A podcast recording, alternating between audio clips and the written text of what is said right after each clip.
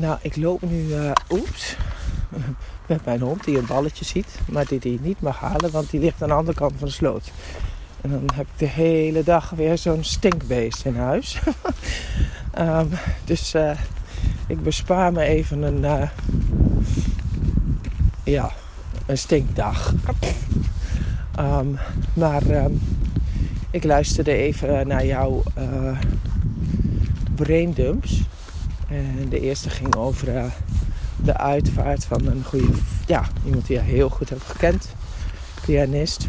En uh, je hebt mij inderdaad die stukken toegestuurd, die muziekstukken die je hebt gemaakt met je hobo. En ja, weet je, ik, ik heb ze ook even naar mijn moeder en mijn zusje doorgestuurd. Omdat ik zei, joh, dit moet je gewoon even opzetten. Koptelefoon op en even zen. Want dat is wat het doet. Uh, het, het, het, is gewoon prachtig wat je hebt gemaakt. Dus um, ja, dat uh, wilde ik je toch ook nog even meegeven.